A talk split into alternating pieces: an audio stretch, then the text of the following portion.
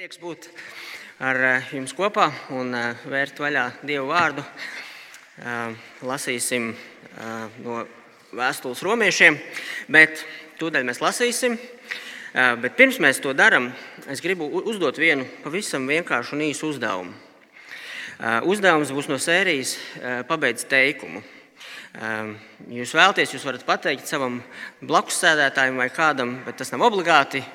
Padomājiet, Tad tas satraucošais brīdis, kas ir tas teikums, kas ir jāpabeidz, tas teikums ir Dievs ir. Apdomājāt? Ļoti labi. Paturiet prātā savu atbildi, mēs tūlīt pie tās atgriezīsimies, bet tagad lasīsim mūsu raksturvietu. Un mēs lasīsim mūsu raksturvietu nedaudz ātrāk nekā ir nevis ātrāk, bet uh, dažus pantus iepriekš nekā mums ir uh, rakstīts dievkalpojuma lapiņās. Mēs lasīsim pirmo nodaļu vēstulē romiešiem no 16.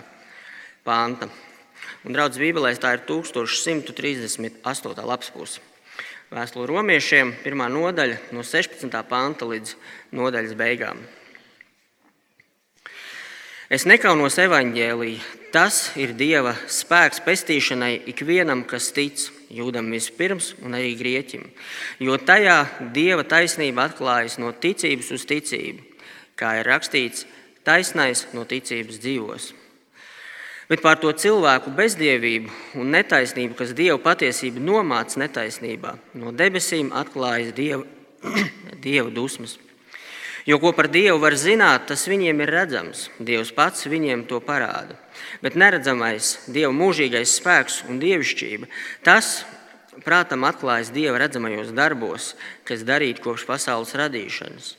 Tā ka viņiem nav ar ko aizbildināties, jo Dievu pazīdami tie viņu nav godājuši kā Dievu un nav viņam pateikušies, bet kļuvuši domās tukši, un viņu neprātīgā sirds ir aptumšojusies apgaldu, apgalvodami, ka ir gudri, tie kļuvuši muļķi un aizvietojuši neiznīcīgā dieva godību ar iznīcīgā cilvēka un putnu un četrkājaiņu un rāpuļu līdzībā darināto tēlu.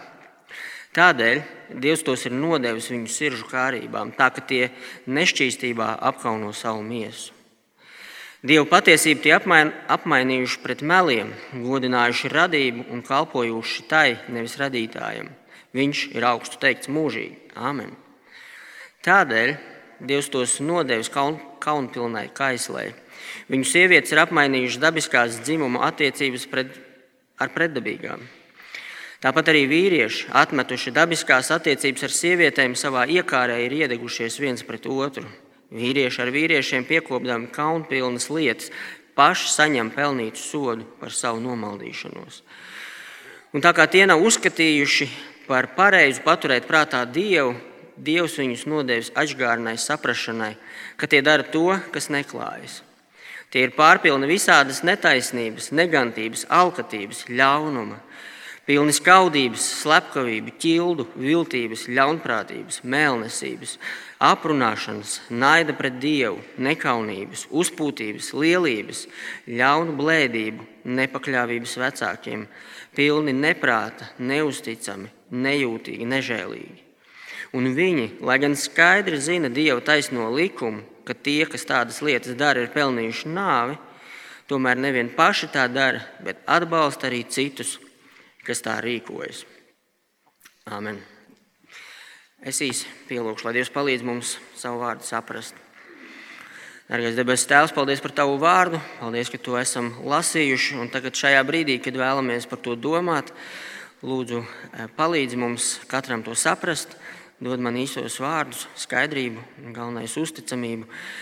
Šos vārdus arī skaidrojot, Jēzus vārdā to lūdzu. Āmen. Nu tad atgriežamies pie mūsu tikko uzdotā uzdevuma. Dievs ir. Kā jūs atrisinājāt, kā jūs pabeidzāt šo teikumu? Vestminsteras īsais katehisms, tas, ko mēs ar bērniem kopā arī katru svētdienu, gandrīz katru aplūkojam, atbild uz šo jautājumu ar teikumu: Dievs ir gars. Tā kā ja jūs esat katehizēti, tad iespējams teikuma beigās jūs likāt vārdu gars. Es atļaušos aplēst, ka iespējams lielākā daļa atbildēja vai nodomāja, ka Dievs ir mīlestība. Un abas šīs atbildes ir pareizas. Bībele to māca.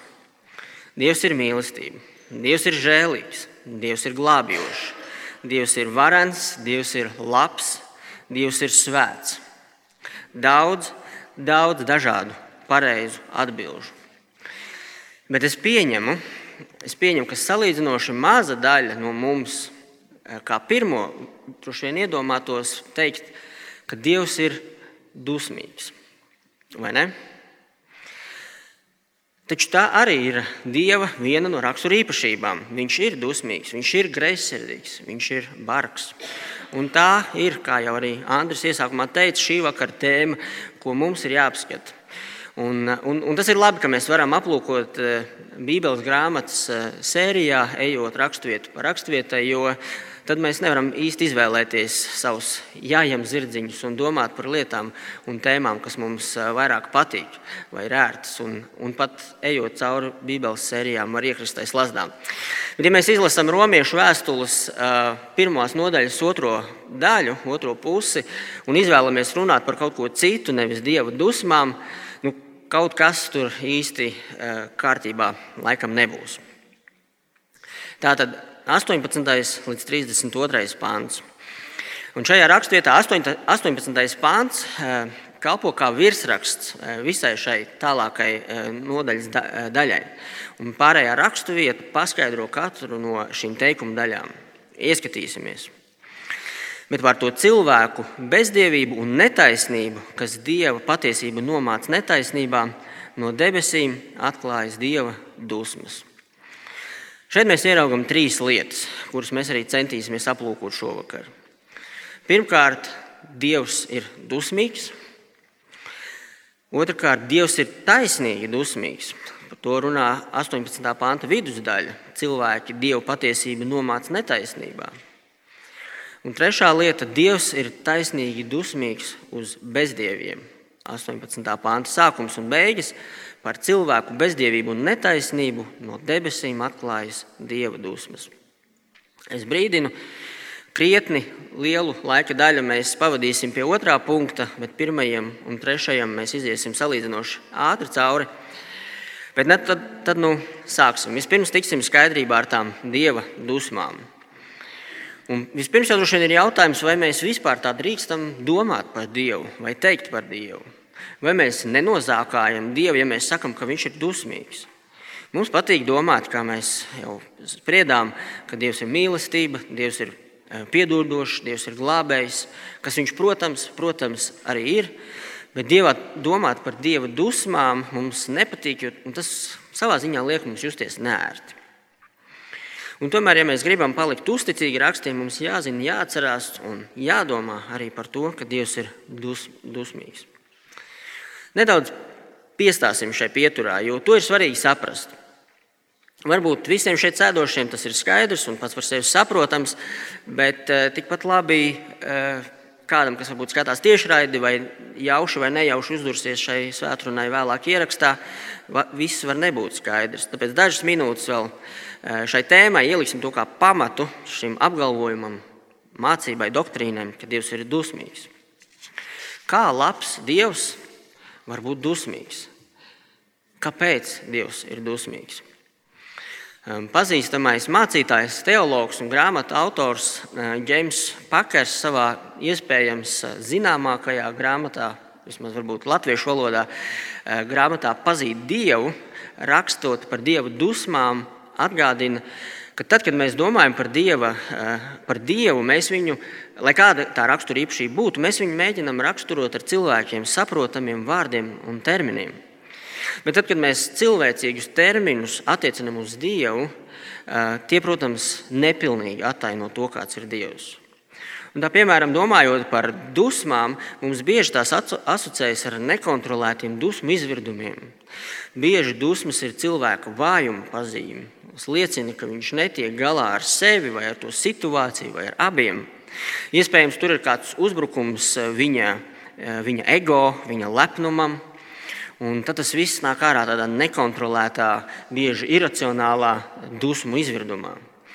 Un līdz ar to, kad mēs eh, mēģinām salikt šādas eh, dusmas un svēto pilnīgo dievu kaut kā salikt kopā, nu, mums sistēmā rodas kļūda. Tās lietas nesavietojas mūsu prātos. Bet par dieva dusmām un to dabu mēs nevaram domāt šādā veidā, šādos cilvēcīgos eh, terminos. Padomāsim par to nedaudz. Iedomājieties, kā būtu, ja Dievs priecātos, ka cilvēki dara labu, un arī, ka cilvēki dara ļaunu. Pakars savā grāmatā arī uzdod šādu jautājumu. Dievs dusmojas tikai tad, kad tas ir tiešām nepieciešams. Vai tad Dievs, kuram vienlīdz labi patiktu gan labais, gan ļaunais, būtu saucams par labu Dievu? Vai tad tāds Dievs, kurš savā pasaulē nereaģētu pret ļaunumu, būtu uzskatāms par morāli pilnīgu? Jautā Pakars. Un mēs varētu vēl jautāt, vai tad Dievs, kurš nereaģē uz ļaunumu un kuram vienlīdz patīk, patiktu labais un ļaunais, vai tāds ir taisnīgs Dievs? Vai tas ne, neliek kaut kādā ziņā sagriezties mūsu iekšām, ja mēs iedomājamies, ka visas pasaules netaisnības, tas ļaunums kādu dienu netiktu taisnīgi iztiesāts un kur vajadzīgs atriebts? Mūsos ir ielikta zināma taisnīguma izjūta, lai arī nepilnīga un, un, un sabojāta, un tāda, kas griežas par un ap mums, bet mums tāda ir, jo Dievs mūs ir radījis pēc savu tēlu un līdzības. Un mēs vēlamies, mēs taču vēlamies, lai visi noziedznieki un mūsu pārdarītāji kādu dienu tiktu saukti pie atbildības, vai ne tā? Vienīgi mēs negribam, ka mūsu noziegumi nāktu gaismā, un arī mums nāktos par tiem atbildēt, protams. Tāpēc dieva dusmas ir labas. Labam dievam ir jāpiemīt dusmām, citādi viņš nevarētu būt labs. Jo Dievs izturētos labvēlīgi pret netaisnību, kā pret taisnību. Un, protams, dieva dusmas nav kā cilvēka dusmas visos tās negatīvajā krāšņumā. Dieva dusmas ir īstajā laikā un par īsto lietu. Un tas noved mūs pie tā nākošā, tā lielā punkta ehm, svētkrunā, ka Dievs ir nevis vienkārši dusmīgs, bet Viņš vienmēr ir taisnīgi dusmīgs. Un kā jau es minēju, mēs to varam izsacināt no 18. panta vidusdaļas, kur Pāvils saka, ka bezdievi dieva patiesību nomāca netaisnībā. Pāvils apgalvo, ka visi cilvēki apspiež, nomāca patiesību par dievu, lai nebūtu tai jāpakļaujas, bet patiesībā viņi visi zina šo patiesību. Pagaid, pagaid, pagaid. Visi cilvēki zina patiesību par dievu, tā vienkārši nav taisnība. Pirmkārt, es zinu, ka manā kāpņu telpā, nu, ja vien jūs nedzīvojat privātā mājā, ne visi zina par, dievu, par patiesību par Dievu. Nemaz nerunājot par tām mežonīgajām ciltīm, tur Amazonas džungļos vai kur vēl nē. Bet nē.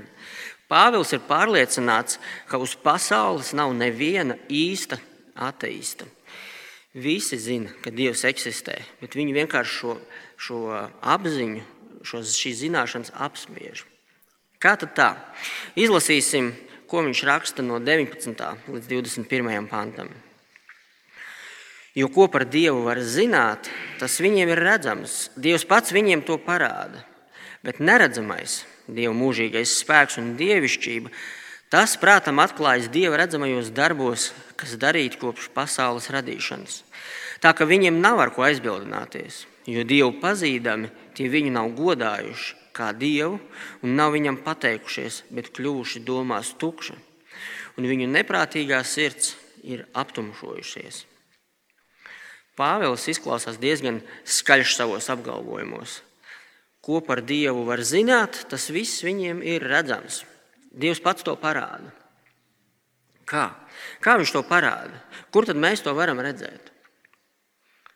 Radībā. Radītajā pasaulē mums apkārt. Dieva neredzamā labestība ir tapusi redzama tajā, ko viņš ir radījis. Un šī nav vienīgā raksturvieta, kas par to runā. Lūk, vēl daži piemēri no Bībeles, kas apstiprina. Apustuļu darbu 14. nodaļas 17. pāns. Tomēr viņš, tas ir Dievs, nepārstāja par sevi liecināt ar labiem darbiem, sūtīdams no debesīm lietu un ražas laiku, sagādādams jums barību un piepildīdams jūsu sirdis ar prieku. lietus no debesīm, ražas laiks, tie parāda dieva labestību. Varbūt mums pilsētniekiem tā grūtāk saprast to lietu par dievu, kad mēs ejam šādā laikā uz baznīcu, piemēram. Bet, ja mēs nedaudz par to padomājam, mēs saprotam, ka tā ir dieva labestība. Dievkalpojuma sākumā mēs lasījām pantus no 19. psalma. Debesis vēsta par dieva godu, viņa roku darbu teica debesis jums. Psalmis saka, nav valodas, nav vārdu, viņu balsi pat nedzird, bet viņa darbi runā paši par sevi. Dievs ir atstājis savus pirkstu nospiedumus visā radībā, viscauri. Iedomāsimies izmeklēšanu. Varbūt nedaudz jocīgi un nērti domāt par Dievu kā aizdomās turamo kādā lietā, bet pamēģināsim, iedomāsimies. Izmeklētāji pēta, meklē pierādījumus, kurš to ir izdarījis. Bet tā vietā, lai slēptu savus pēdas, kā to dara noziedznieki, Dievs visur apzināti ar nolūku ir atstājis savus pirkstu nospiedumus. Šeit, te, es, skaties uz mani, es to izdarīju.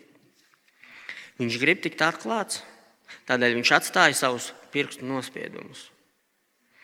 Es atceros, pirms diezgan daudziem gadiem, kad mūsu vecākais dēls bija vienīgais un, un krietni mazāks, mēs mēdzam viens otram ģimenē teikt, redzot skaistu vakaru ar saulrietu, cik skaisti Dievs šovakar izkrāsojis debesis. Bet cilvēks spītīgi skatās un meklē kaut kur citur. Zinātnē, lai gan zinātnē vajadzētu norādīt tai pašā virzienā, proti, uz Dievu, filozofijās un sazinu vēl kur. Es reizēm, reizēm ar uh, savu meitu spēlēju paslēpes, šāda, šāda veida paslēpes. Viņa ir paslēpusies, Un es izliekos, ka es viņu nevaru atrast. Viņa turpat man blakus savā slepkavītē smējās, bet es spītīgi meklēju citur, eh, visur viņai apkārt. Es reizēm paceļu viņas kāju, lai viņa, vai viņa nav tur apakšā. Nē, nav. Eh, nē, es viņu nevaru atrast. Viņa, protams, smējās, un, ir, un, un, un tas ir jautri. Varbūt šāds smieklīgs un amizants eh, ģimenes kontekstā, kādā ziņā jauks piemērs, bet kad cilvēks skatās virsū dieva radībai un runā par evolūciju, vai vienalga par ko neredz Dievu tajā, tā ir, tā ir traģēdija. Un Pāvils saka, tā ir patiesības apspiešana. Un viņš saka vēl skaļāk, Dievu pazīdami, tie viņu nav godājuši kā Dievu un nav viņam pateikušies. Viņš saka, ka visi cilvēki pazīst Dievu, pazīst Dievu, bet nedod viņam pienākošos godu. Esot tāda statistika, es diemžēl nevaru atsaukties uz avotu, bet kāds to acīm redzot, ir izpētījis, ka 60 līdz 70% zinātnieku, zinātnieku, kas ir Nobela prēmijas laureāti, tātad kaut ko savā jomā sasnieguši, esot teisti. Proti, cilvēki, kas tic, ka pastāv vai nu Dievs, Dievs Bībeles izpratnē, vai kaut kāds augstāks spēks. Respektīvi, viņi uh, ir ieraudzījuši, ka vismaz Viņi ieraudzījuši vismaz tik daudz, ka visums un zeme un, un viss, kas, vis, kas ir, nevarēja tāpat par sevi rasties, izveidoties, attīstīties un arī pastāvēt. Eh, aiz tā jābūt kaut kāda veida radītājiem. Ar lielo vai ar mazo burtu tas jau cits jautājums. Lai nu kā būtu ar tām statistikām, vai tās ir patiesas vai nav, Pāvēlam tas maz rūp. Viņa secinājums ir skaidrs un nelokāms. Nevienam, nevienam nav iespējas attaisnoties. Neviens nevar teikt, ah, es nezināju, ai, man neviens to nepateica. Es nebiju skolā, kad par to mācīju. Ieskatieties vēlreiz 20. pantā. Bet neredzamais Dieva mūžīgais spēks un dievišķība, tas prātam atklājas Dieva redzamajos darbos, kas radīti kopš pasaules radīšanas tā, ka, ne, ka viņiem nav ar ko aizbildināties. Mēs turpmākās kādas četras svētdienas eh, pavadīsim Pāvila argumentā, ka nav neviena, kurš eh, meklētu Dievu, kurš būtu taisns. Un, eh, un šī ir pirmā daļa no tā. Ieklausieties, kāds ir Pāvila kopsavilkums, kad viņš ir apgāzis dažādu ļaužu grupu argumentus par par to, kāpēc viņi ir sacēlušies pret Dievu, vai precīzāk sakot, viņi noliedz, ka viņi būtu sacēlušies pret Dievu. Tas ir 3. nodaļas 9. līdz 12. pāns. Mēs jau agrāk spriedām par jūdiem un grieķiem, ka tie visi ir zem grēka. Kā ir rakstīts, nav neviena taisna, neviena paša. Nav neviena, kas saprot, nav neviena, kas meklē Dievu. Visi ir aizgājuši no Dieva, visi kļuvuši vienlīdz nederīgi. Nav neviena, kas dara labu, pat neviena nav. Un vēl 3. nodaļas 18. pantā viņš noslēdz: Dieva bijības nav viņu acu priekšā. Un tātad ir pirmai, šis ir pirmais šī liela argumenta elements vai, vai daļa.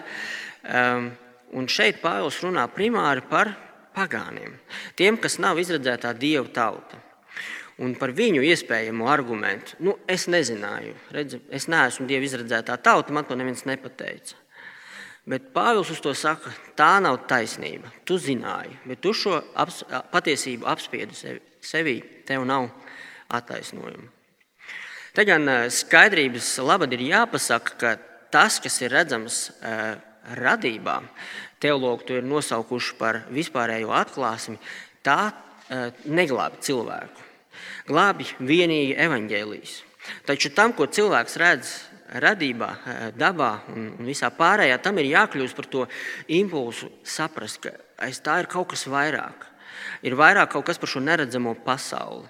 Viss ir tā sakārtots, tās izveidots. Tas nevarēja notikt vienkārši nejaušību rezultātā, evolūcijas procesā. Aiz tā visa stāv kāds radītājs, kāds arhitekts, dizainers. Un tam ir jāsāk kā, likt meklēt, kas tad ir tas radītājs un pielūgt viņu. Bet attaisnojumu es nezināju, nav nevienam. Un tādēļ nevienam nav attaisnojuma Dieva priekšā, un līdz ar to Dieva dusmas ir taisnīgas. Tas pats pieminētais pakaļs saka, ka Dieva dusmas vienmēr ir tiesiskas. Tas nozīmē, ka tās ir tiesneša dusmas, kuras ievieš taisnību. Bez dievi apspiež patiesību par Dievu, un tādējādi ir netaisni.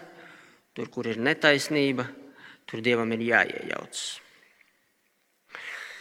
Mēs redzam, ka dievam ir pilnīgas tiesības taisnīgi dusmoties uz cilvēkiem, un viņš dusmojas. Viņš dusmojas, un mēs to redzam pasaulē. Atkal 18. pāns, bet par to cilvēku bezdievību un netaisnību, kas dievu patiesību nomāca netaisnībā, no debesīm atklājas dieva dusmas atklājas. Tā ir tagadne, vai precīzāk, ilgstošā tagadne. Es atradu šādu aprakstu um, ilgstošās tagadnes pielietojumam. Ilgstošo tagadni lieto, lai apzīmētu darbību, kas notiek šajā brīdī. Tātad tieši tagad, kad mēs to sakām, rakstām. Pati darbība droši vien sākās kaut kad agrāk, tā turpinās šobrīd un iespējams turpināsies arī kādu laiku nākotnē. Šis nav galīgais spriedums, kas nāks lielajā tiesas dienā, lielajā dievu dusmu dienā. Vēl ir laiks atgriezties. Bet tās dusmas, tās ir reālas dusmas, kas ir redzamas pasaulē. Ja gribat, tad pierādījums dieva eksistencei ir nevien tas, ko mēs redzam radībā, bet arī viņa dusmās. Un tūlīt apskatīsim, kādā veidā. Turpmākajā raksturvietā Pāvils dod mums tādus trīs Eh, pārus eh, darbībām, ko dara cilvēks, un dieva pretreakcija, pretdarbība. Un aplūkosim tos vienu pēc otra. Aplūkosim pirmo pāri. Tas ir 22. līdz 24. pāns. Apgalvodami, ka ir gudri, Tie, proti, cilvēki, kļuvuši muļķi un aizvietojuši neiznīcīgā dieva godību ar iznīcīga cilvēka un putnu un četrkājaiņu un rāpuļu līdzībā darinātu tēlu. Tādēļ Dievs tos ir nodevis viņu sirdžu kārībām, tā ka tie nešķīstībā apkauno savu miesu. Cilvēka neapskaužamajam stāvoklim Dievu priekšā pamatā ir viena liela, liela apmaiņa neiznīcīgā dieva godību cilvēki ir apmainījuši pret eh, radības godināšanu. Dieva vārds to sauc par muļķību, lai gan cilvēkam pašam tā šķiet kā gudrība. Un tas kaut kur aizved mūs eh, uz pirmos mūzes grāmatas trešo nodaļu, vai ne tā? Kur mēs lasām par to, ka pirmie cilvēki ēda no laba un ļauna atzīšanas koka. Tā rezultātā tā cilvēks pats sāka noteikt, kas ir labs un kas ir slikts, kas ir gudri un kas ir muļķīgi. Tādēļ, kad cilvēks apmainīja savus pielūgsmes objektu, Dievs parāda pār viņiem savas dusmas. Mēs lasījām, Tādēļ Dievs tos ir nodevis viņu sirdžu kārībām, tā ka tie nešķīstībā apkauno savu miesu. Dievs ir atļāvis vaļu cilvēku sirds kārībām. Iesim tālāk, un mēs redzēsim vēl smalkāk, ko nozīmē tas, ka Dievs ir nodevis viņu sirds kārībām. Izlasīsim nākošo šo pāri, 25. E, līdz 27. pāns. Dievu patiesību tie apmainījuši pret meliem, godinājuši radību un kalpojuši tai nevis radītājam. Viņš ir augsti teikts mūžīgi. Āmen. Tādēļ Dievs tos ir nodevis kaunpilnai kaislei. Viņu sievietes ir apmainījušas dabiskās dzimuma attiecības ar pretdabiskām. Tāpat arī vīrieši apmetuši, atmetuši dabiskās attiecības ar sievietēm, savā iekārā ir iedegušies viens pret otru, vīrieši ar vīriešiem, piekopdami kaunpilnas lietas paši saņem pelnītu sodu par savu nomaldīšanos. Atkal šī pati ideja par uh, apmaiņu. Patiesība ir apmainīta pret meliem.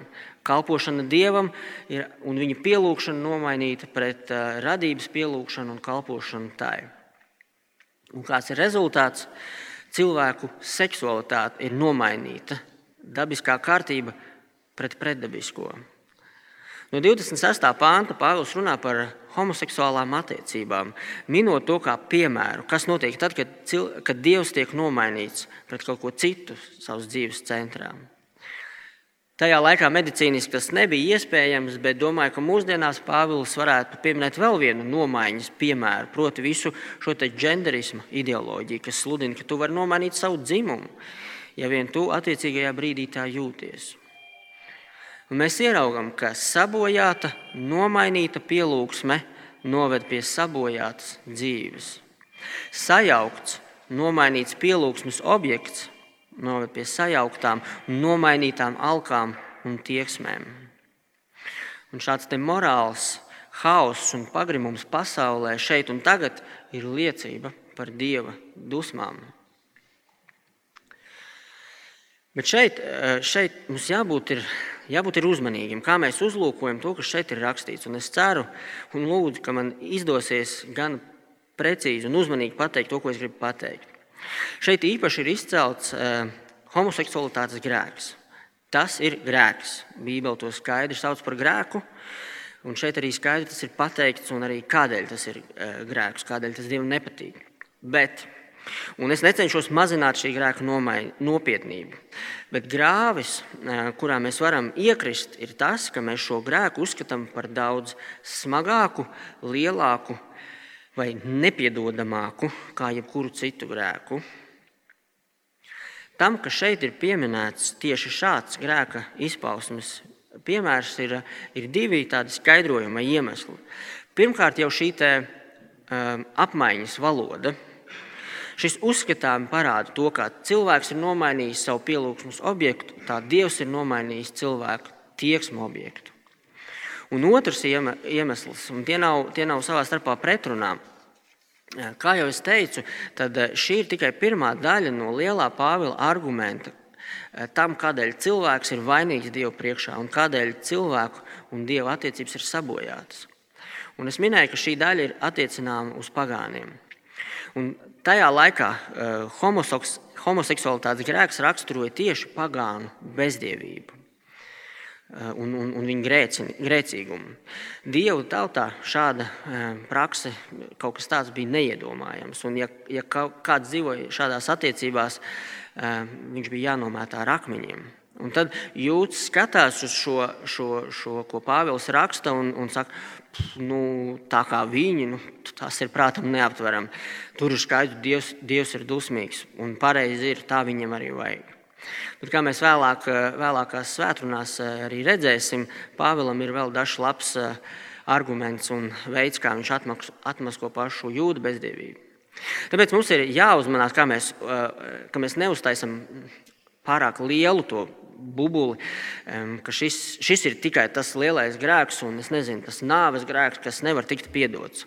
Jo specifiski šim ir ļoti daudz ētera laika atvēlējis Pāvils.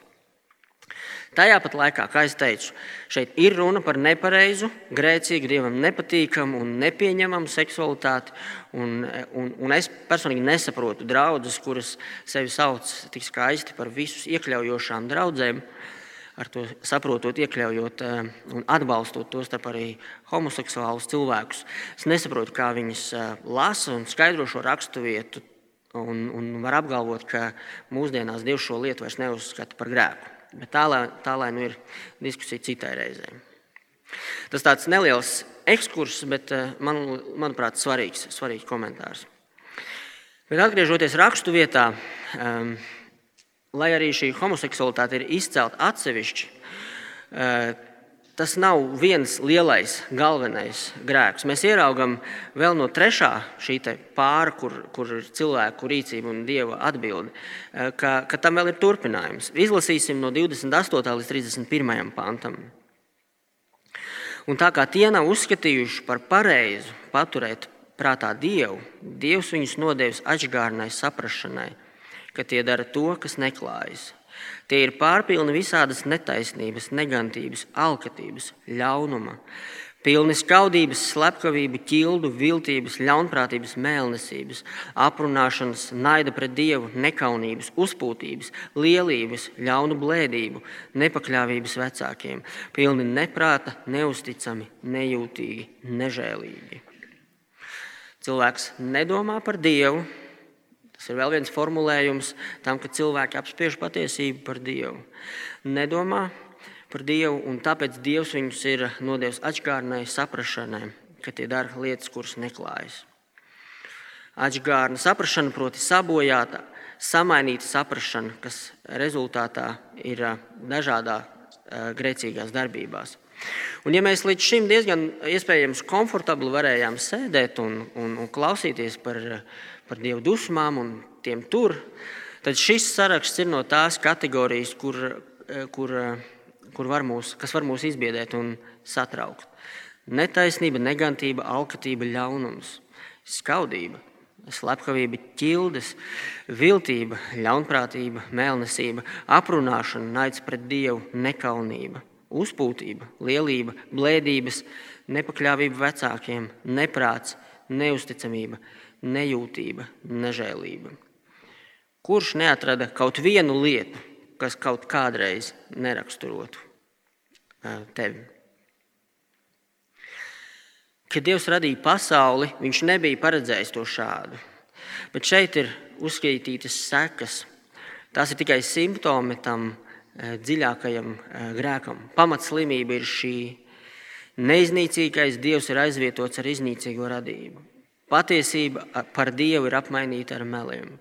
Kalpots tiek radībai nevis radītājiem, pielūgta tiek radība nevis radītājs. Domāts tiek, par Dievu netiek domāts. Un tas viss savilkts kopā, patiesība par Dievu ir nomākta. Un no šiem trim piemēriem mēs redzam, ka Dievs nedod cilvēkam uh, uh, ka Dievs nedod cilvēkam to, ko viņš nebūtu pelnījis. Cilvēks ir izdarījis izvēli pirmais, un rezultāts nāk ārā dažādos, dažādos veidos, formās un fasonos. Mums ir jāierauga, ka Dievs nesoda nevienu nepelnīti. Cilvēks izvēlējās grēkot vispirms, un tad Dievs viņu šim grēkam novēlēja. Ticīgais lūdz, tavs prāts, lai notiek, neticīgajam Dievs saka, labi, tavs prāts, lai notiek. Es par šo domāju, un, un man šķiet, ka lielākais sots bērnam no vecākiem nav tur pēriens vai visa aizliekšana vai, vai nu, līdz ekstrēmiem, jā, bādā mēri, mērdēšana vai, vai, vai kas tam līdzīgs, kas ir krimināli sodāms. Lielākais sots bērnam ir tā teikt, atmest ar roku un atļaut visu neierobežot neko. Tā ir skaitā, un jo īpaši to, kas ir viņam kaitīgs. Es varu atzīties, ka kādā vājuma brīdī es esmu piedāvājis bērniem, nu, ja jūs visu laiku cīnāties pret mums, vecākiem, pret mūsu noteikumiem un kārtības, kādā ir ģimenē, tad varbūt darām tā. Es jums vairāk neko neaizliegšu. Nav runa par to, ka jums nebūs pajumta, vai ēdiens, vai drēbes. Es nedzenu jūs prom no mājām, bet tikai piedāvāju jums ilgi kāroto brīvību. Atbloķēšu visas spēlītes un aplikācijas, noņemšu visus interneta filtrus, noņemšu paroles no datoriem. Ēdat, ko un kad gribat, nēdat, ko negribat, ejiet gulēt, kad gribat, mostaties, kad ir sajūta, kad vajadzētu mosties. Skolas apmeklējums nav obligāts. Iedošu manis parakstītu iesniegumu, lai atskaitu jūs no muzikas skolas un no treniņiem. Aiznesiet, iedodiet attiecīgajā vietā, ja vajadzīgs, palīdzēšu atrast, kur tas ir. Lūdzu, tas taču ir tas, par ko jūs cīnāties - brīvība un autonomija. Es pastāvu pats. Reakcija no bērniem ir bijusi vienmēr viena un tā pati. Nē, lūdzu, tā nedara, tā mēs negribam. Un tā vien izskatās, ka kulminācija šim visam, šim, šim visam mutulim, kas veļās pāri, ir 32. pāns. Nolasīsim. Un viņi, lai gan skaidri zina Dieva taisno likumu, ka tie, kas tādas lietas dara, ir pelnījuši nāvi, tomēr nevien paši tā dara, bet atbalsta arī citus, kas tā rīkojas. Šie cilvēki, kas šīs lietas praktizē, jo tas viņiem patīk, un e, viņi par to ir pelnījuši nāvi. Jebkura no šīm lietām, un šis, šis iepriekš lasītais saraksts pat nav izsmeļošs saraksts, šo lietu praktizēšana ir grēks, un grēka alga ir nāve. Taču šie ļaudis nevien dara šīs lietas, bet viņi rada un veido un ietekmē sabiedrību, kur atbalsta viņus un viņu grēcīgo rīcību. Tā vietā, lai cīnītos ar grēku, eh, tās lietas tiek sauktas par normālām, labām, ieteicamām, jo tā ir vieglāk. Mēs redzam, ka tas vairs nav kluss, noslēpumā turēts grēks, par ko ir kauns, bet tā ir klaja sacelšanās, dūmpes pret Dievu un publiska mērķiecīga priekšrokas došana grēkam un grēcīgam dzīvesveidam. Sviniet manu grēku. Es esmu šāds. Priecājieties, ka es esmu šāds vai šāda. Tas viss izklausās diezgan drūmi un bezcerīgi. Un, ja tev tā šķiet, tad tas ir labi un tas ir pareizi. Manuprāt, tas arī ir Pāvila nolūks, likt saprast, ka visi cilvēki, visi cilvēki ir ļoti, ļoti, ļoti lielās ziepēs. Un ziepes vēl ir pārāk maigi un smaržīgi teikts. Bet, ja mēs uzmanīgi lasām 18. Eh, pāntu, tad ir viena maza iespēja, kur aizķerties mūsu cerībai. 18. pāns vēlreiz nolasīšu. Bet par to cilvēku bezdievību un netaisnību, kas Dievu patiesību nomāca netaisnībā, no debesīm atklājas Dieva dusmas. Vai tad ir vēl kādi cilvēki bez šiem bezdieviem? Un tas noved mūs no, pie noslēdzošā punkta. Pavisam īsi. Dievs ir taisnīgi dusmīgs uz bezdieviem. Un tāpēc mēs arī lasījām no 16. panta, izlasīsim no 16. līdz 18. Pantam. Evangelijas ir Dieva spēks pestīšanai ikvienam, kas tic, jūdam vispirms un arī grieķim, jo tajā Dieva taisnība atklājas no ticības uz ticību, kā ir rakstīts, taisnais no ticības dzīvos. Bet par to cilvēku bezdievību un netaisnību, kas Dieva patiesību nomāca netaisnībā no debesīm, atklājas Dieva dusmas.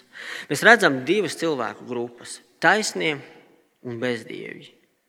Taisnie no ticības dzīvos, bezdievi saņem dievu dusmas. Visi cilvēki ir neglābjami pazuduši, ja vien Dievs viņus neizglābi.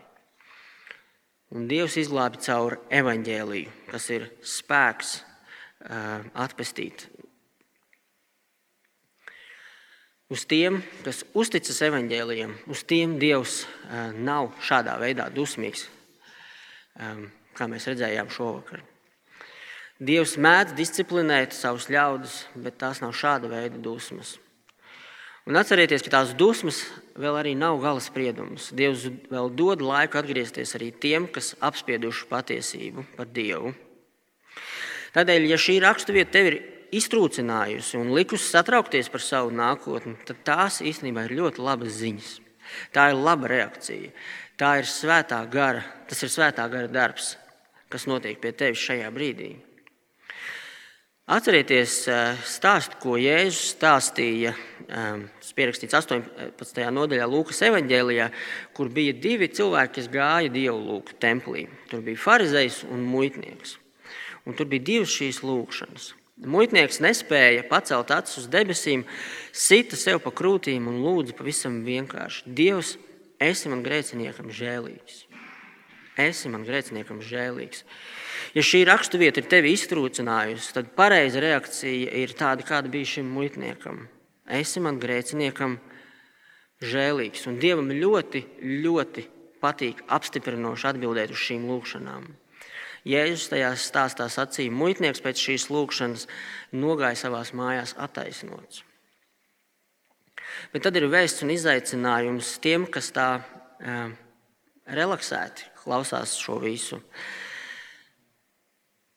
Tas bīstamība ir kļūt kā šim farizējam šajā, šajā Jēzus stāstā. Un Pharizējs lūdz šādi: Dievs, es pateicos, ka es neesmu kā šie pārējie cilvēki, laupītāji, ļaundari, laulības apgānītāji, vai arī kā šis muitinieks. Es pateicos Dievs, ka es neesmu tāds kā šie cilvēki, kas aprakstīti šajā nodaļā. Šāda real, re, relaksēta attieksme pēc šiem visiem šiem vārdiem eh, liecina, ka nu, ir, ir, ir jāuzmanās. Jēzus teica, ka muitnieks nogāja mājās attaisnots, bet tas otrs, tas farizējs, nē. Kā tad mums būtu? Ko tad mums, kas sevi saucam par kristiešiem, vajadzētu satvert, ko mums vajadzētu saprast, kā mums vajadzētu reaģēt uz šo nodaļu? Grāmatā autors Arthurs Pinks, grāmatā, kur viņš apraksta dieva īpašības, dod labu padomu šajā, šajā ziņā. Viņš raksta, ka dieva dusmas ir dieva personības pilnība, kas mums bieži jāapcer. Pirmkārt, Tāpēc, lai mēs no sirds aptvērtu, cik lielu riebumu Dievs izjūt pret grēku. Otrakārt, tāpēc, lai Dievu priekšā mūsu dvēseli iegūtu patiesu bijību. Treškārt, tāpēc, lai savai dvēselē liktu kvēli slavēt Jēzu Kristu par atbrīvošanu no Dieva dusmām, kas nāk. Riebums pret grēku, Dieva riebums, kas vairo mūsu riebumu pret grēku bijība Dievu priekšā, bijība, ka Dievs ir taisnīgs un Viņš patiešām tiks galā ar visu netaisnību. Slava un pateicība Jēzum par glābšanu no dusmām, par netaisnību. Un mēs varētu pielikt vēl ceturto, eh, kas būtībā caurvīja visas trīs iepriekš minētās lietas. Tā ir nekaunēšanās un drosmīga evaņģēlijas sludināšana tiem, kas to nav dzirdējuši. Kāpēc mēs bieži vien neesam tik entuziastiski par evanģelizāciju? Vai nav tā, ka viens no iemesliem ir tas, ka mēs līdz galam paši neticam, ka Dievs patiešām ir dusmīgs uz tiem, kas netic evaņģēliem? Pāvils iepriekš rakstīja, tā bija iepriekšējā svētkruna, ka viņš nekaunās evaņģēlīju, kas ir Dieva spēks pestīšanai ikvienam. Un šai ziņā mums arī jākļūst bezkaunīgākiem. Tādiem, kas bez kauna un kas nekaunas un iet ar evaņģēlīju vēsti pasaulē. Lai Dievs mums uz, mums uz to palīdz. Āmen!